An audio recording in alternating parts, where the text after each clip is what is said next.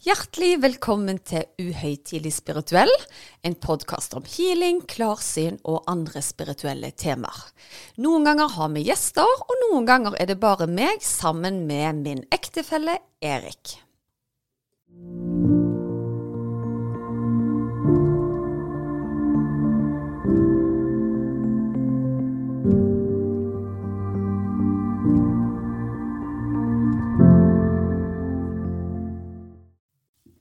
Ja, velkommen til nok en episode av uh, Uhøytidelig spirituell. Du er, du er klar? Jeg er klar, og det blir jo ekstra engasjement når så mange tar kontakt etter de har hørt forrige episode.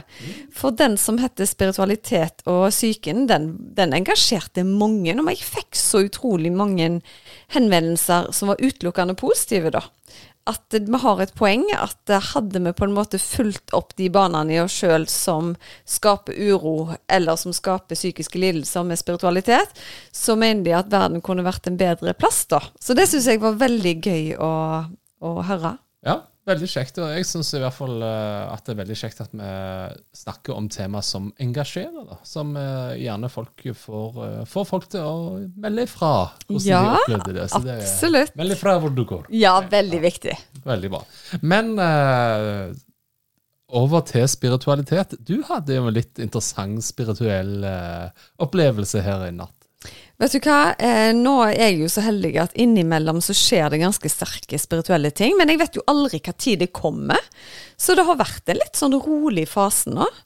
Men når jeg skulle legge meg i natt, så eh, var jeg egentlig ganske trøtt og var klar til å legge meg til å sove. Men så kjente jeg på den der en bølge av energi som noen ganger kommer til meg når jeg vet at nå er det noe som foregår rundt meg, da. Og det som var så rart, var det at eh, jeg hørte stemmer.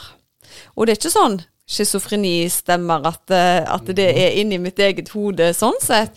Men da fikk jeg beskjed om at nå er det ungene sin tur.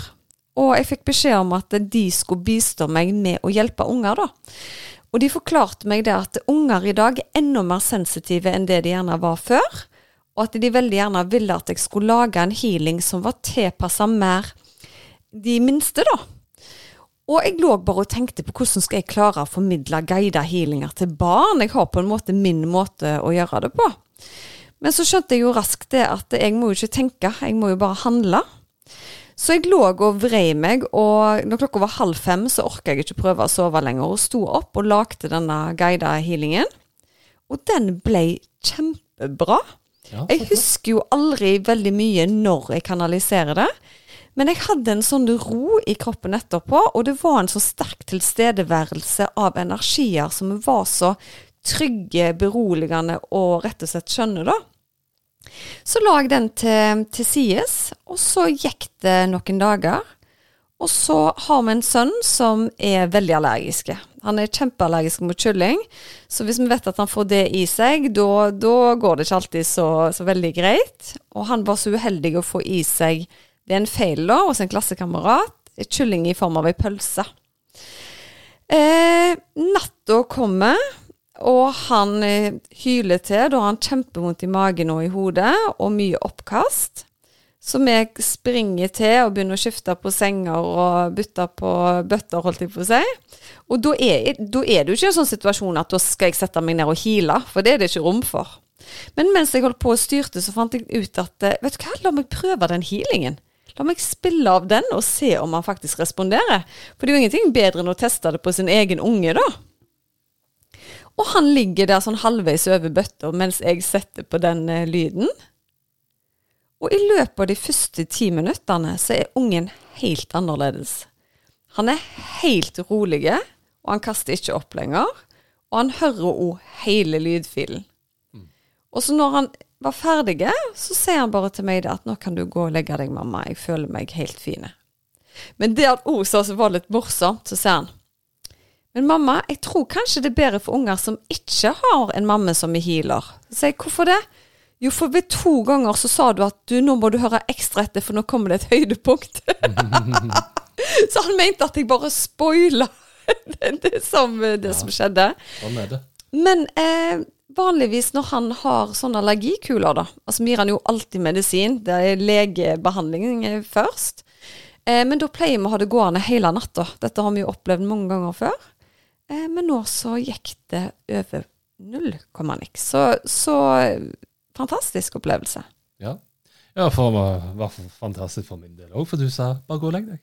Ja, Ja. så du fikk ligge og sove, og så jobba jeg via telefonen mens jeg bare satt og strøyk han på foten. Så, så det var jo litt sånn vinn-vinn for alle parter, da. Og det var faktisk ganske herlig å være Bare på en måte observere det som skjedde, da. For veldig ofte når du er mor, og hvis ungene dine har plager eller blir syke, så klarer du gjerne ikke helt å tenke klart heller. sant? Du blir jo litt sånn 'Å, herlighet, kan jeg ta smerten for de, så ville jeg gjort det'. Men eh, den var absolutt en trygghet for meg, så den kommer jeg til å bruke igjen, altså. Ja, ja men det er jo bra. Men i eh, forlengelse av det, så tenkte jeg at eh, dagens tema kunne faktisk vært dette her med sensitive barn, da, siden vi er inne på barnetema. Eh, og i den anledning så har vi òg invitert en gjest her i studio. Ja, Torunn Antonsen er jo blitt en veldig god venn og kollega av meg, og det var ingen andre jeg ville hatt med til å diskutere akkurat dette temaet, for hun er veldig engasjert i akkurat dette med sensitive barn. Så det at hun stiller opp nok en gang, er vi kjempeglade for, altså. Ja, så eh, ladies and gentlemen, velkommen til deg, Torunn Antonsen, for tredje gang her på podkasten. Det er veldig hyggelig å være tilbake igjen da, hos dere. Veldig kjekt å ha deg tilbake igjen. Og I dag er en litt spesiell dag, for det er første gangen vi faktisk filmer oss sjøl under innspilling.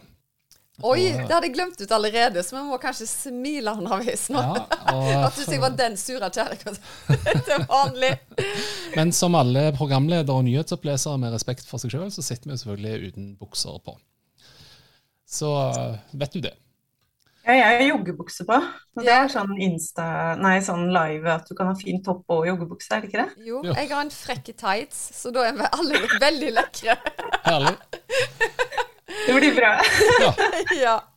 Men okay. uh, i dag så eh, skal vi snakke om noe veldig spesielt. Uh, det er flere som tar kontakt og lurer på om sine barn gjerne har spesielle evner, eller litt sånn forskjellig. Og da kommer vi inn på dette emnet med det å være særlig sensitiv. Eh, og Derfor er du med oss, Toren, i dag for å snakke litt om dette emnet. Eh, og hva, Kanskje forklare litt hva, hva er det å være særlig sensitiv? Ja, det er Jeg er veldig takknemlig for at jeg ble invitert til dere for å snakke om det, fordi dette er det emnet jeg brenner mest for av alt, og har gjort det egentlig mange år. Og, og nå er tiden inne for å gå ut med dette budskapet med disse sensitive barna. Og det er jo, sånn som jeg forklarer det til barn, det er um, akkurat som hvis måte, de fleste mennesker har to-tre antenner hvor de tar inn informasjon, så har disse barna 40. Så de tar inn enorme mengder av informasjon hele tiden. Og, og de skal klare å håndtere alle disse følelsene og alt de tar inn fra alt og alle. Og det som jeg syns er så viktig, for det er mange barn som har alle disse antennene, da. De føler seg ofte annerledes, og noen ganger litt ensomme i å være sånn som de er. De klarer ikke å skille helt hva er mine følelser, hva er andres følelser. De speiler andre. Og de blir litt sånn kameleon noen ganger før de lærer seg hvordan de skal håndtere energien. Da. Fordi hvis de er med bestevenninner, så blir de nesten lik som venninna, for de klarer ikke å skille helt hva er min energi og hva er din energi. Eller hvis noen blir veldig forelska i, så blir de forelska i den personen, fordi de kjenner bare den forelskelsesfølelsen fra den andre. Så det, eh, det er liksom det å lære For det første så er de normale. 15-20% er særlig sensitive. Det som er viktig, er å lære dem noen verktøy, så de kan sortere disse følelsene sine og alt de tar inn, og hvordan de kan leve best mulig med det. For når de gjør det, da ser jeg at de har sånn superpower. Når de får hjelp til å håndtere det her, så blir de faktisk ofte bedre enn de fleste i det de driver med. Både av jobb, sosialt eh, og flere sammenheng. Så det er et veldig interessant tema. Ja, men hva gjør, altså hva skal vi se etter hvis du vil se at ditt barn er hypersensitivt eller særlig sensitivt? Eh, Hva er tegnene egentlig vi må se etter da? De er, eh, de er sånn de blir veldig glad når de er glad, og veldig lei seg når de er lei seg. De har ofte et litt mer sensitivt system og nervesystem også i kroppen, så de tar ting veldig dypt inn, og de bruker tid på å fordøye inntrykkene sine. Så mens mange på en måte har bare en tanke om en ting, og så er den vekk igjen, så går disse barna kanskje og tenker veldig mye på det. Um, andre ting, de er veldig glad i dyr, som regel. De har et rikt indre liv, veldig god fantasi. Mange av dem blir jo musikere og kunstnere, og, og de blir også veldig beveget innimellom av musikk. Sånn, de føler så mye. Og før jeg logget på i dag, så tenkte jeg litt på hunden Aurora. Eh, hun må jo være særlig sensitiv. Hun føler så sterkt. Eller hva tenker dere om det? Tenker du på datteren vår nå? Nei, jeg tenker på hun eh, vokalisten. Hun oh, ja, Aurora. Vet du hva, nå, nå, for jeg har jo så mange Aurora i mitt liv. Jeg, at nå tenkte jeg bare Hvem Aurora er du referert nå? Er det guiden min? Er det datteren min? Men selvfølgelig hun Aurora. Jeg, Men jeg tror datteren deres også. Jeg kjenner Aurora på den måten, og så var det artisten. ja. Men uh, for å si det sånn, jeg er veldig sikker på at deres datter Aurora er særlig sensitiv også. ja, helt sikker. Men, men, det ble Ja, nei, jeg, jeg klarte jo selvfølgelig ikke å koble det, men ja, hun er nok det, artisten. Absolutt, altså. Ja. Nå har jeg sett intervjuet med henne, og hun er jo med med hele seg, og det er masse følelser, og hun går dypt. Og de berører jo på en helt spesiell måte når de formidler. Men de er ofte skuespillere, og, og de liker best sånn ærlige ting. Ekte ting. De syns ofte det er kjedelig med mennesker som er overfladisk. Og det kan bli voldsomt fordi noen ganger f.eks. på et kjøpesenter eller på en skole med åpent landskap. Fordi de tar inn så veldig mye fra alle de andre. Er det, er det, fragmenter hvor noen er sensitive for noe, men ikke så sensitive for andre ting? For jeg kjenner meg jo veldig igjen i den beskrivelsen på kjøpesenter. Jeg er jo drenert etter bare jeg har gått inn på et kjøpesenter. Mens andre sosiale sammenhenger kan jo gå helt fint. Er det noe i den energien som gjerne blir fanga i et kjøpesenter.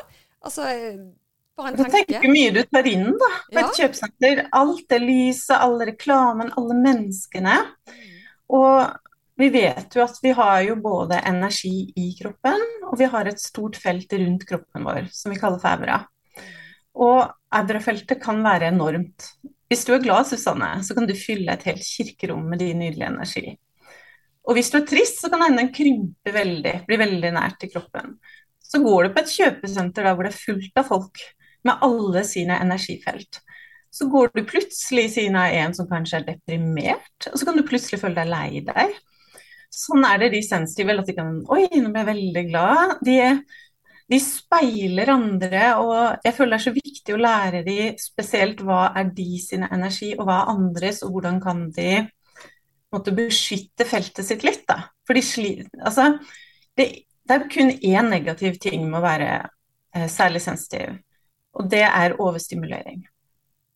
Så man ser jo ofte at f.eks. i en barnebursdag så blir det litt for mye overstimulering på disse særlig sensitive barna. Og jeg har hørt barn som hopper ut av vinduet og stikker av fra bursdag jeg vet også om noen av disse barna er ikke så glad i når de skal smelle ballonger. De kan være litt vare for smell og, og jeg vet også om noen som tar seg en pause på toalettet uten at de må på toalettet, men bare fordi at de må litt ut av energien, da, eller at de står og snakker med de voksne isteden litt. Så det er sånn Det er nok mange som vil kjenne igjen barna i at det blir litt mye med sånne store settinger innimellom. Altså Ballongsmelling har vel begge våre vært helt hysteriske på. har de ikke det? Altså, ja, det er nesten som det er en sånn egen uh, greie. Det er utrolig uh, spennende. Men det er liksom sånn at uh, det første tegnet du skal se etter, er f.eks. om, om barnet er, reagerer mye på en barnefilm, f.eks. For i forhold til storylinen der, om, om man blir veldig lei seg og sånne ting, eller? Ja, det er en fin måte å gjøre det på. Og det som er med De, de lever seg De har veldig mye empati. De er ofte veldig snille. Hadde det, det hadde ikke vært krig i verden hvis det kun var sensitive mennesker der. Og når de ser en film, så blir de fort liksom De får hovedrollen, de lever seg inn i filmen. Leser de en bok, og så er de helt inne i den. Og er det en skummel film, så kan de bli fryktelig redde. Og det som er så viktig, da, det er å finne balansen, sånn at vi, kan, vi skal ikke overbeskytte disse barna. For de skal jo ut i verden alene etter hvert. Men vi må finne en balanse, sånn at, vi, at det ikke blir for mye overstimulering stress og dårlig tid på morgenen og sånn, det takler de ofte veldig dårlig. Det er sånn Hvis du sier fort det er fort, det er noe vi rekker det, og nå må du spise, og, og da går de helt til lås. Da kan de bare begynne å grine. Og det er nesten så det kortslutter, det blir helt tomt. Og jeg husker Martha Louise eh, fortalte litt om det å være sensitiv. Det mm, var f.eks. hvis hun skulle på et ridestevne, så ble hun så stressa for hun skulle pakke med seg unger og hest og alt, at hun ofte lå i gangen i fosterstilling og bare skrek. Og det, da har det kortslutta litt. Og det, når det kortslutter, det er sånn overloaded, da er det noen som begynner å gråte, og noen skriker, og, og de trenger egentlig bare en timeout. Men det å finne balansen sånn at de får ofte nok mat De kan reagere ganske mye på blodsukkersvingninger. At de får sunn mat, at de sover godt, og at de også har en sånn balanse mellom hvile og aktivitet. Noen barn kan jo gå på aktivitet hver dag. De kan gå på drill rett fra skolen, og så kan de på håndball på kvelden igjen, og så gjøre lekser etter det. Min erfaring er at disse sensitive barna, så er det fordel å ha litt roligere opplegg. Men de responderer veldig godt på dyr, så mange er jo glad i hest eller andre dyr. Og det at de får vært i naturen eller gått på en idrett eller aktivitet, sånn at de får måte, energien også ned i kroppen, at det ikke bare er i hodet. For de har mer tanker, og vi må ofte hjelpe dem på en måte å sortere tanker og følelser. Da. Og et sånn typisk eksempel det er hvis f.eks. vi har Ida i fjerde klasse, og så går hun med venninna si til skolen som heter Anne. Og så kan Ida kjenne at Anne har litt sånn rar energi i dag. Og da tenker automatisk Ida, som er sensitiv, at Anne er sur på meg. Og så begynner det å spinne hele dagen på skolen at Anne er sur på meg. Hva har jeg gjort gærent? De legger ofte skylden på seg selv og tar veldig mye ansvar. Men så viser det seg jo at egentlig så Anne krangla med mammaen sin før hun gikk på skolen. Så det er derfor hun har dårlig energi. Det har ikke noe med Ida å gjøre. Men jeg ser ofte at de sensitive tror at andre er sure på dem, fordi at de så lett kjenner en sånn sinnsstemning. Men når de analyserer det, så blir det ofte feil. Det høres ut som meg som barn, altså. Jeg tok jo inn alt, alltid. Og det er jo litt sånn, OK, hva er forskjellen på egentlig å være sensitiv, eller egentlig å bare være veldig klarsynt, i hermetegn, da? Er det, er det en forskjell der? Eller er det egentlig same shit, different wrapping? For meg så føles det veldig likt. Mm. De har jo ofte veldig god intuisjon. De har eh, Jeg har jo veldig mange av de innom her på healingbenken min. Og det er veldig gøy å heale de, for de kjenner så mye. Og de ser farger. Jeg bruker noen ganger også krystaller. De kjenner jo energien til krystallene med en gang. Eh, så det er veldig, veldig gøy. Og de har jo ofte de samme talentene sjøl. Men uh, du nevnte litt sånn når du kommer i kontakt med disse eh, sensitivitetene, at uh, du kan snu det om til en sånn superpower. Ja. så hva, hva, kan vi gjøre egentlig for at dette skal bli en styrke, fremfor at sånn som vi har omtalt til nå, så er det jo kanskje litt mer belastende, da? Det første er å fortelle dem at de er normale, for det er de.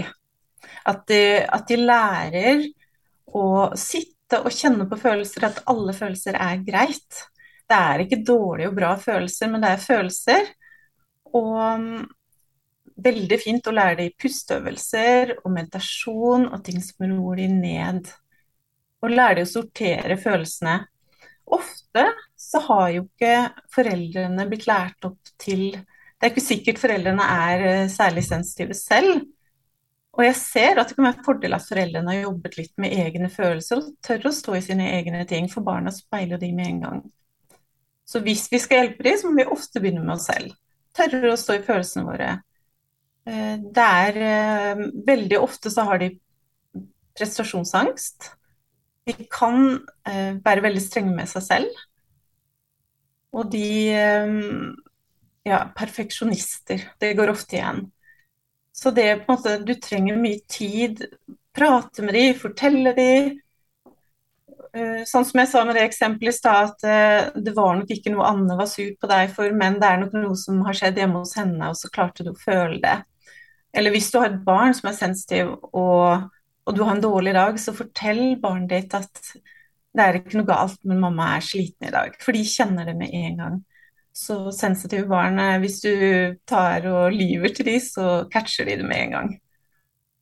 Men de har de blir ofte veldig gode i sin ting hvis de får den balansen i livet og hjelp til å roe ned den overstimuleringa.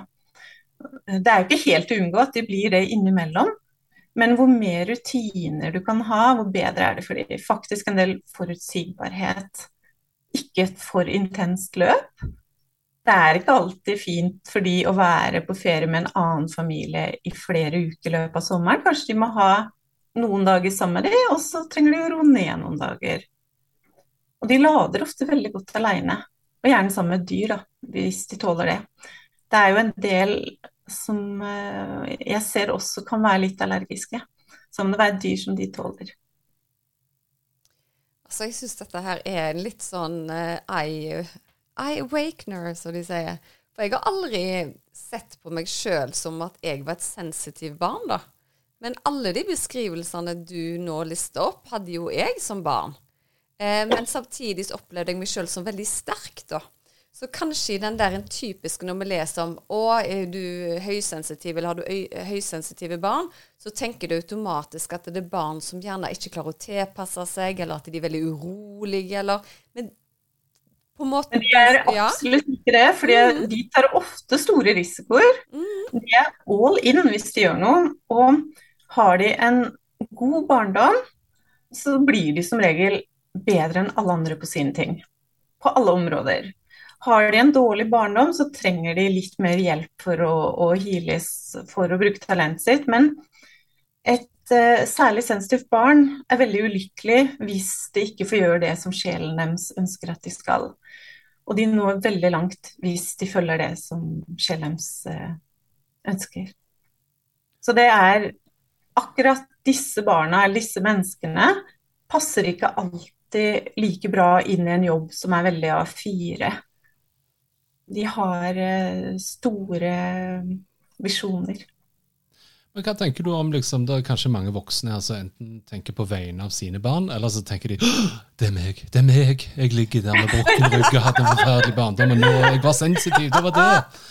Jeg, var ja. jeg følte jo f.eks. at jeg hadde en strålende barndom, så jeg har liksom aldri tenkt på at jeg var høysensitiv, så de bruker ordet da. Men det var jo veldig interessant nå. at det, Jeg tror ikke det er én ting hun har listet opp som jeg ikke kjente meg igjen i. Og, men jeg har aldri tatt en sånn label på meg sjøl om at det òg i den kategorien. men, men, det som Du har vært heldig og hatt en god barndom, mm. og da får du jo brukt alle disse superressursene. Eh, de kaller ofte disse barna for eh, hva de kaller det, følelsesledere. fordi de ler ofte før de andre, fordi de catcher ting fortere.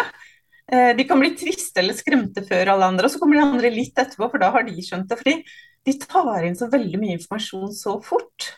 Eh, så i de yrkene som du og jeg har, så passer det jo perfekt. Jeg tenker jo at i denne jobben så kan jeg bruke evnene mine eh, på alle mulige måter, fordi jeg tar inn så mye både i readinger og healing og mm. så men det er ikke kun det alternativet hvor dette um, kan brukes. Det er som sagt uh, veldig mange av disse kjente musikerne, skuespillere, politikere. Det er i alle Men de gjør ofte, de har ofte en veldig sånn uh, motivasjon, da. Og er det snakk om noe urettferdighet overfor noen andre, så kjemper de veldig. De klarer ikke urettferdighet. Da er jeg ikke sensitiv allikevel. Jeg liker urettferdig. Nei da, klart ikke du meg der. Nei, men vet du hva, jeg syns det er så interessant å, å høre om. Mm. Men uh, holdt på å si, du var inne på litt sånn med meditasjon og litt sånn tidligere, men hva teknikker eller verktøy og sånn kunne vi liksom brukt da, hvis du identifiserer at du har et, et, et, eh, et særlig sensitivt barn? da, og så prøve å komme i kontakt med denne superkreften. Så nå bygger vi liksom broen mot uh, mitt barn skal bli uh, uh, superhelt. Hva, hvordan går vi fram? Eh, det første er jo å lære de forskjell på sin egen og andres energi. Hvor går skillet? Det som jeg ser er f.eks. hvis det er et barn som har det helt fint, og så kommer det et annet barn som er nervøst inn i de sitt energifelt, så blir de nervøse, og så tror de det er sitt eget. Så jeg har jo en del sensitive barn som har kommet hit som ikke klarer å gå på skolen. De sitter kanskje i siden av en som er deprimert, og så blir de helt tunge, helt flate løpet av dagen. Og da lærer jeg de Det første jeg gjør, er å lære de en øvelse som jeg kaller eh, glassbobla. og um, da står vi først 1,5 meter fra hverandre. Og så sier jeg nå kan du lukke øynene. Og så skal jeg dytte litt på energifeltet ditt, men de vet ikke hvor, om jeg er foran eller bak. Og så dytter jeg litt i de, og så vipper de bakover med en gang. Eh, jeg lar de ikke falle, altså. og så ber de lukke øynene igjen og se for seg en glasskule, transparent glasskule som er 1,5 meter rundt de, også under beina. Så det ikke lekker noe energi. Og så sier jeg på toppen, så strømmer det inn i healing. Sånn at du får masse lys energi i den bobla med din energi.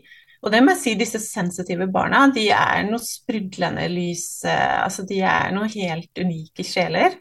Så jeg kaller jo disse barna diamantbarn. For de lyser litt mer enn de andre, syns jeg. Eh, så de, da ser de for seg selv med sitt lys og healinglys inni denne glassbobla. Og de kan sende ut lys og energi til de de vil, men det er bare høyfrekvent positiv energi som gjør det godt, som kommer igjennom kula. Så når jeg sier ta fra den før du går på skolen Og de fleste har da klart å gå på skolen. Men det bør gjøres enda mer tiltak i skolen for de særlig sensitive barna enn det det gjøres i dag. Men eh, vi skal ikke gå for dypt inn på det, men sånne åpne landskaper og sånn, det blir veldig voldsomt for de i hvert fall. Mm. Så at de skulle kunne hatt litt sånne rom hvor de kan jobbe litt, bare noen få, sånn, det hadde vært veldig fint. For det, det, er veldig interessant det du sier, for det er jo ikke få ganger jeg har barn inne på mitt kontor som ikke tør å gå på skolen. De er helt trenerte. Foreldrene må være med dem, de må følge dem. Det er alle slags mulige eh, PPT-tjenester, psykologer. Og så er det én gang på healingbenken, og så hopper de opp og inn på skolen. Og da tenker jeg, da handler det jo kun om beskyttelse. Og akkurat den type bobler du snakker om der, de er jo sånt vi jobber. Det er jo for å rense opp og ut av feltet, og faktisk verne dem. Og da er de jo kjempetrygge, for da er de kun i si kraft, da. Så jeg syns det er utrolig spennende, og egentlig hvor effektivt det er med healing, spesielt på sensitive barn, da. Og så blir de så glad når det ikke er noe galt med dem. Det Jeg, var ene gang så hadde jeg vinduet oppe, for jeg lufta litt, og så hørte datteren sa til moren sin på utsida 'Mamma, jeg er normal'. Åh, det er ikke galt med meg.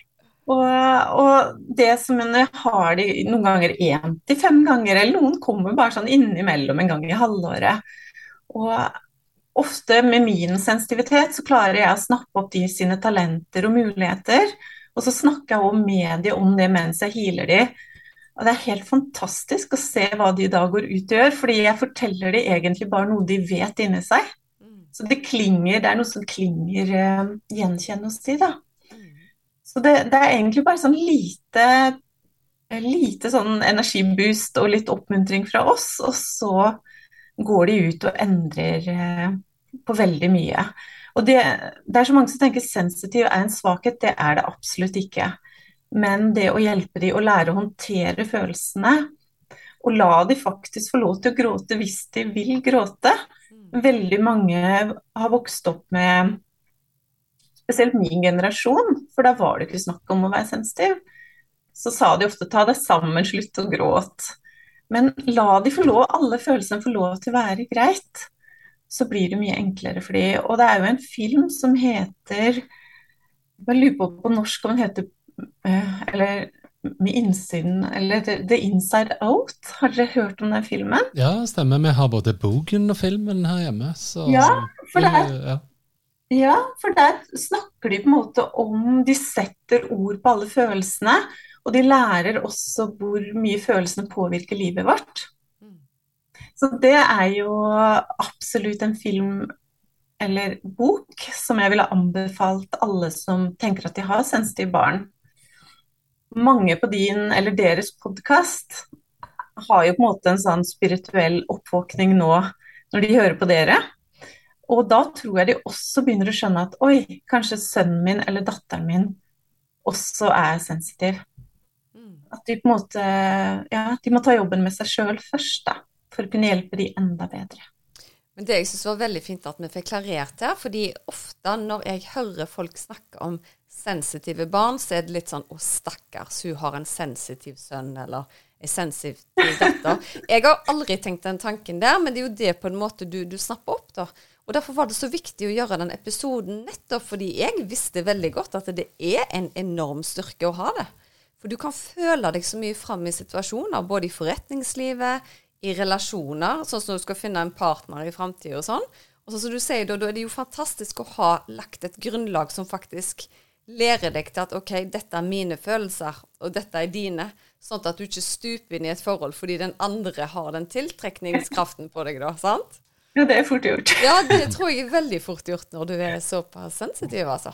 Og jeg prøver sånn bevisst å legge det litt fra meg når jeg går fra jobb, fordi det er vel det mest irriterende samboeren min hører. Hvis eh, jeg er hjemme, og så kommer han litt Kanskje jeg har vært og handla og litt sliten hjem fra jobb og skal lage middag. og så, jeg, så, kjenner jeg at det er litt sånn rart i energien hans. Eh, så sier jeg Hva er det for noe? Ja, og Gjerne om du slutter med det der. Jeg er bare sulten.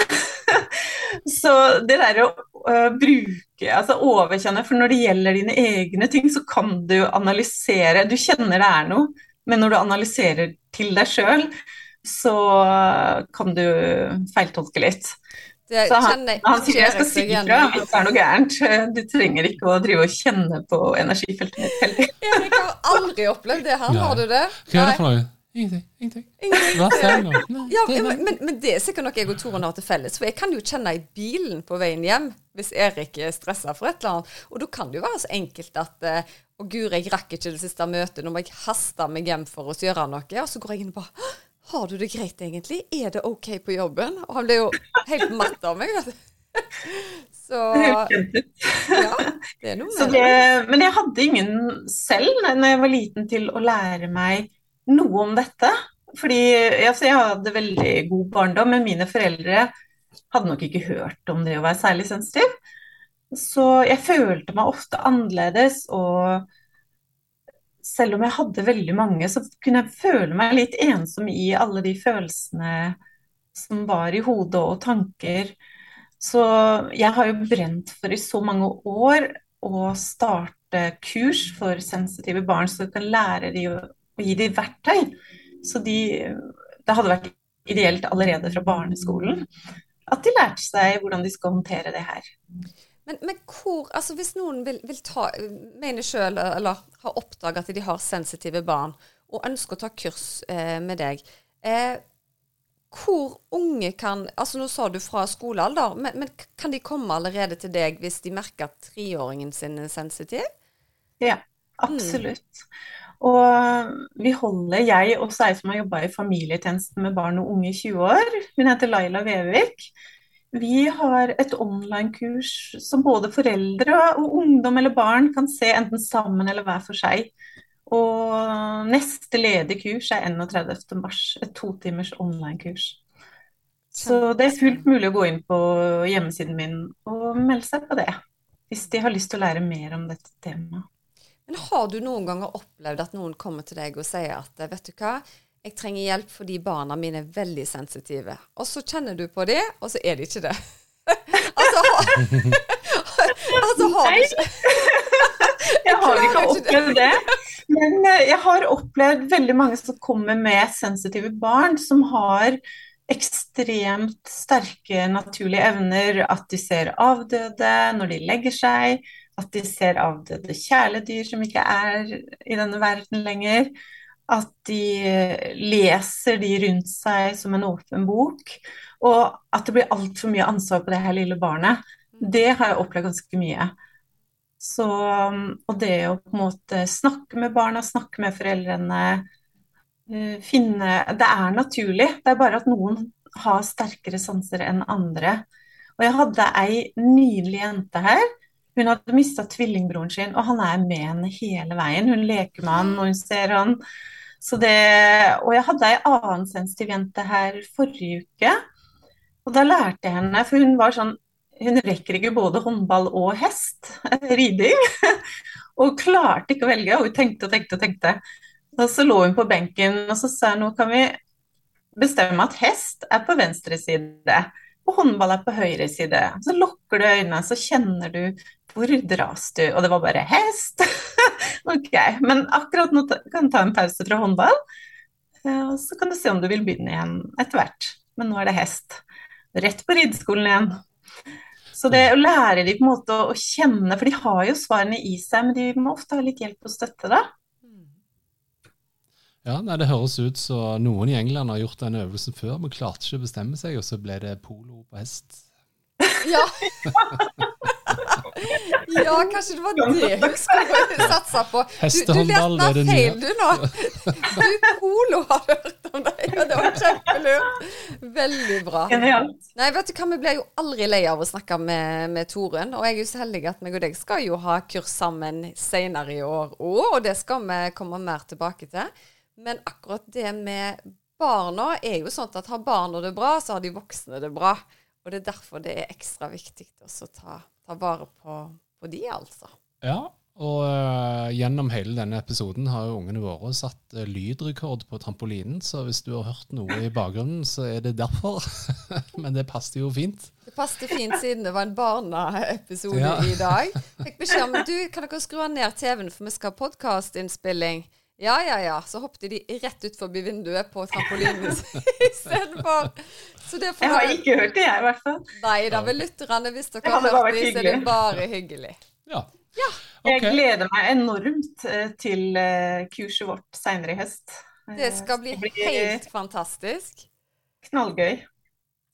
Ja, med det så takker vi for uh, nå. Tusen takk for gjennomgang av uh, særlig sensitive barn, og jeg håper folk har lært uh, noe. og hvordan de skal identifisere om sine barn er særlig sensitive. Og hvis du vil ha et kurs rundt dette her, så kan du gå inn på Toren Antonsen med th.com og se på Toren sine kurs, eller følge med på healersusanne.com. Ja, takk for at du òg kom, Toren. Tusen takk for at jeg fikk komme. Ha det. Ha det. Ja, så var vi bare oss to igjen, Susanne. Ja, Men du fikk jo lært litt i dag, gjorde du ikke det? Jo, absolutt. Altså, nå, nå, trodde jeg jeg hadde god peiling på dette med sensitive barn. For jeg har jo gjerne stått på sidelinjen og behandla sensitive barn. Men når hun snakket, så var det akkurat som det traff meg sånn, fordi det gikk opp for meg at å herlighet, jeg har jo vært et sånt barn. Men jeg har alltid vært veldig sterk. Jeg har alltid på en måte stått stødig i egen kraft og aldri sett på meg sjøl som at det var noe som plagde meg i barndommen, da. Men når hun snakket om disse tingene som prestasjonsangst, hun snakket om dette her med eh, hvis det var for mye på en gang, eh, det at du tok en andre sine følelser, dette var jo min hverdag. Så jeg er nok en av de som har vært mye mer sensitiv enn det jeg har vært klar over, da. Nei, sant det. Det jeg syns er litt sånn fascinerende her, da, det er jo at uh, når vi vokste opp, så følte jeg alle skulle passe inn i boksen. Ja. Uh, mens nå er samfunnet litt snudd. At vi, det er helt lov å ikke passe inn i denne uh, boksen lenger, og at du skal gjennom samme trakten. Så det å kunne legge til rette for at folk er litt annerledes, da, det syns jeg er faktisk veldig fint og se på det som en superpower. Hadde folk fanga opp når jeg var liten, egentlig de evnene jeg hadde, så tenker jeg jo i dag at kanskje det var like greit at de ikke gjorde det. For det var sikkert nok av de som ville utnytte det òg, altså. Ja. Um, men, uh, men, alt i alt så er åpenheten i samfunnet absolutt i en positiv utvikling, altså. Ja. Og jeg kommer til å bruke mye av det vi snakket om i dag, både på egne barn og barn i andre, i andre behandlingsformer. da. Ja, kjempebra. Det er jo kjekt at både vi har lært noe, og vi håper at dere som hører på òg har lært noe. Og tusen takk for at dere har hørt på oss i dag. Det setter vi veldig stor pris på. Og til dere som er interessert i å følge det kurset til Torunn, så mener jeg hun sa en feil dato. Riktig dato var 31. Oktober. Ja, så gå inn på hennes nettsider. Det er altså 31. oktober. Yes. Ha det Tusen bra. takk for i dag. Ha det. Ha det.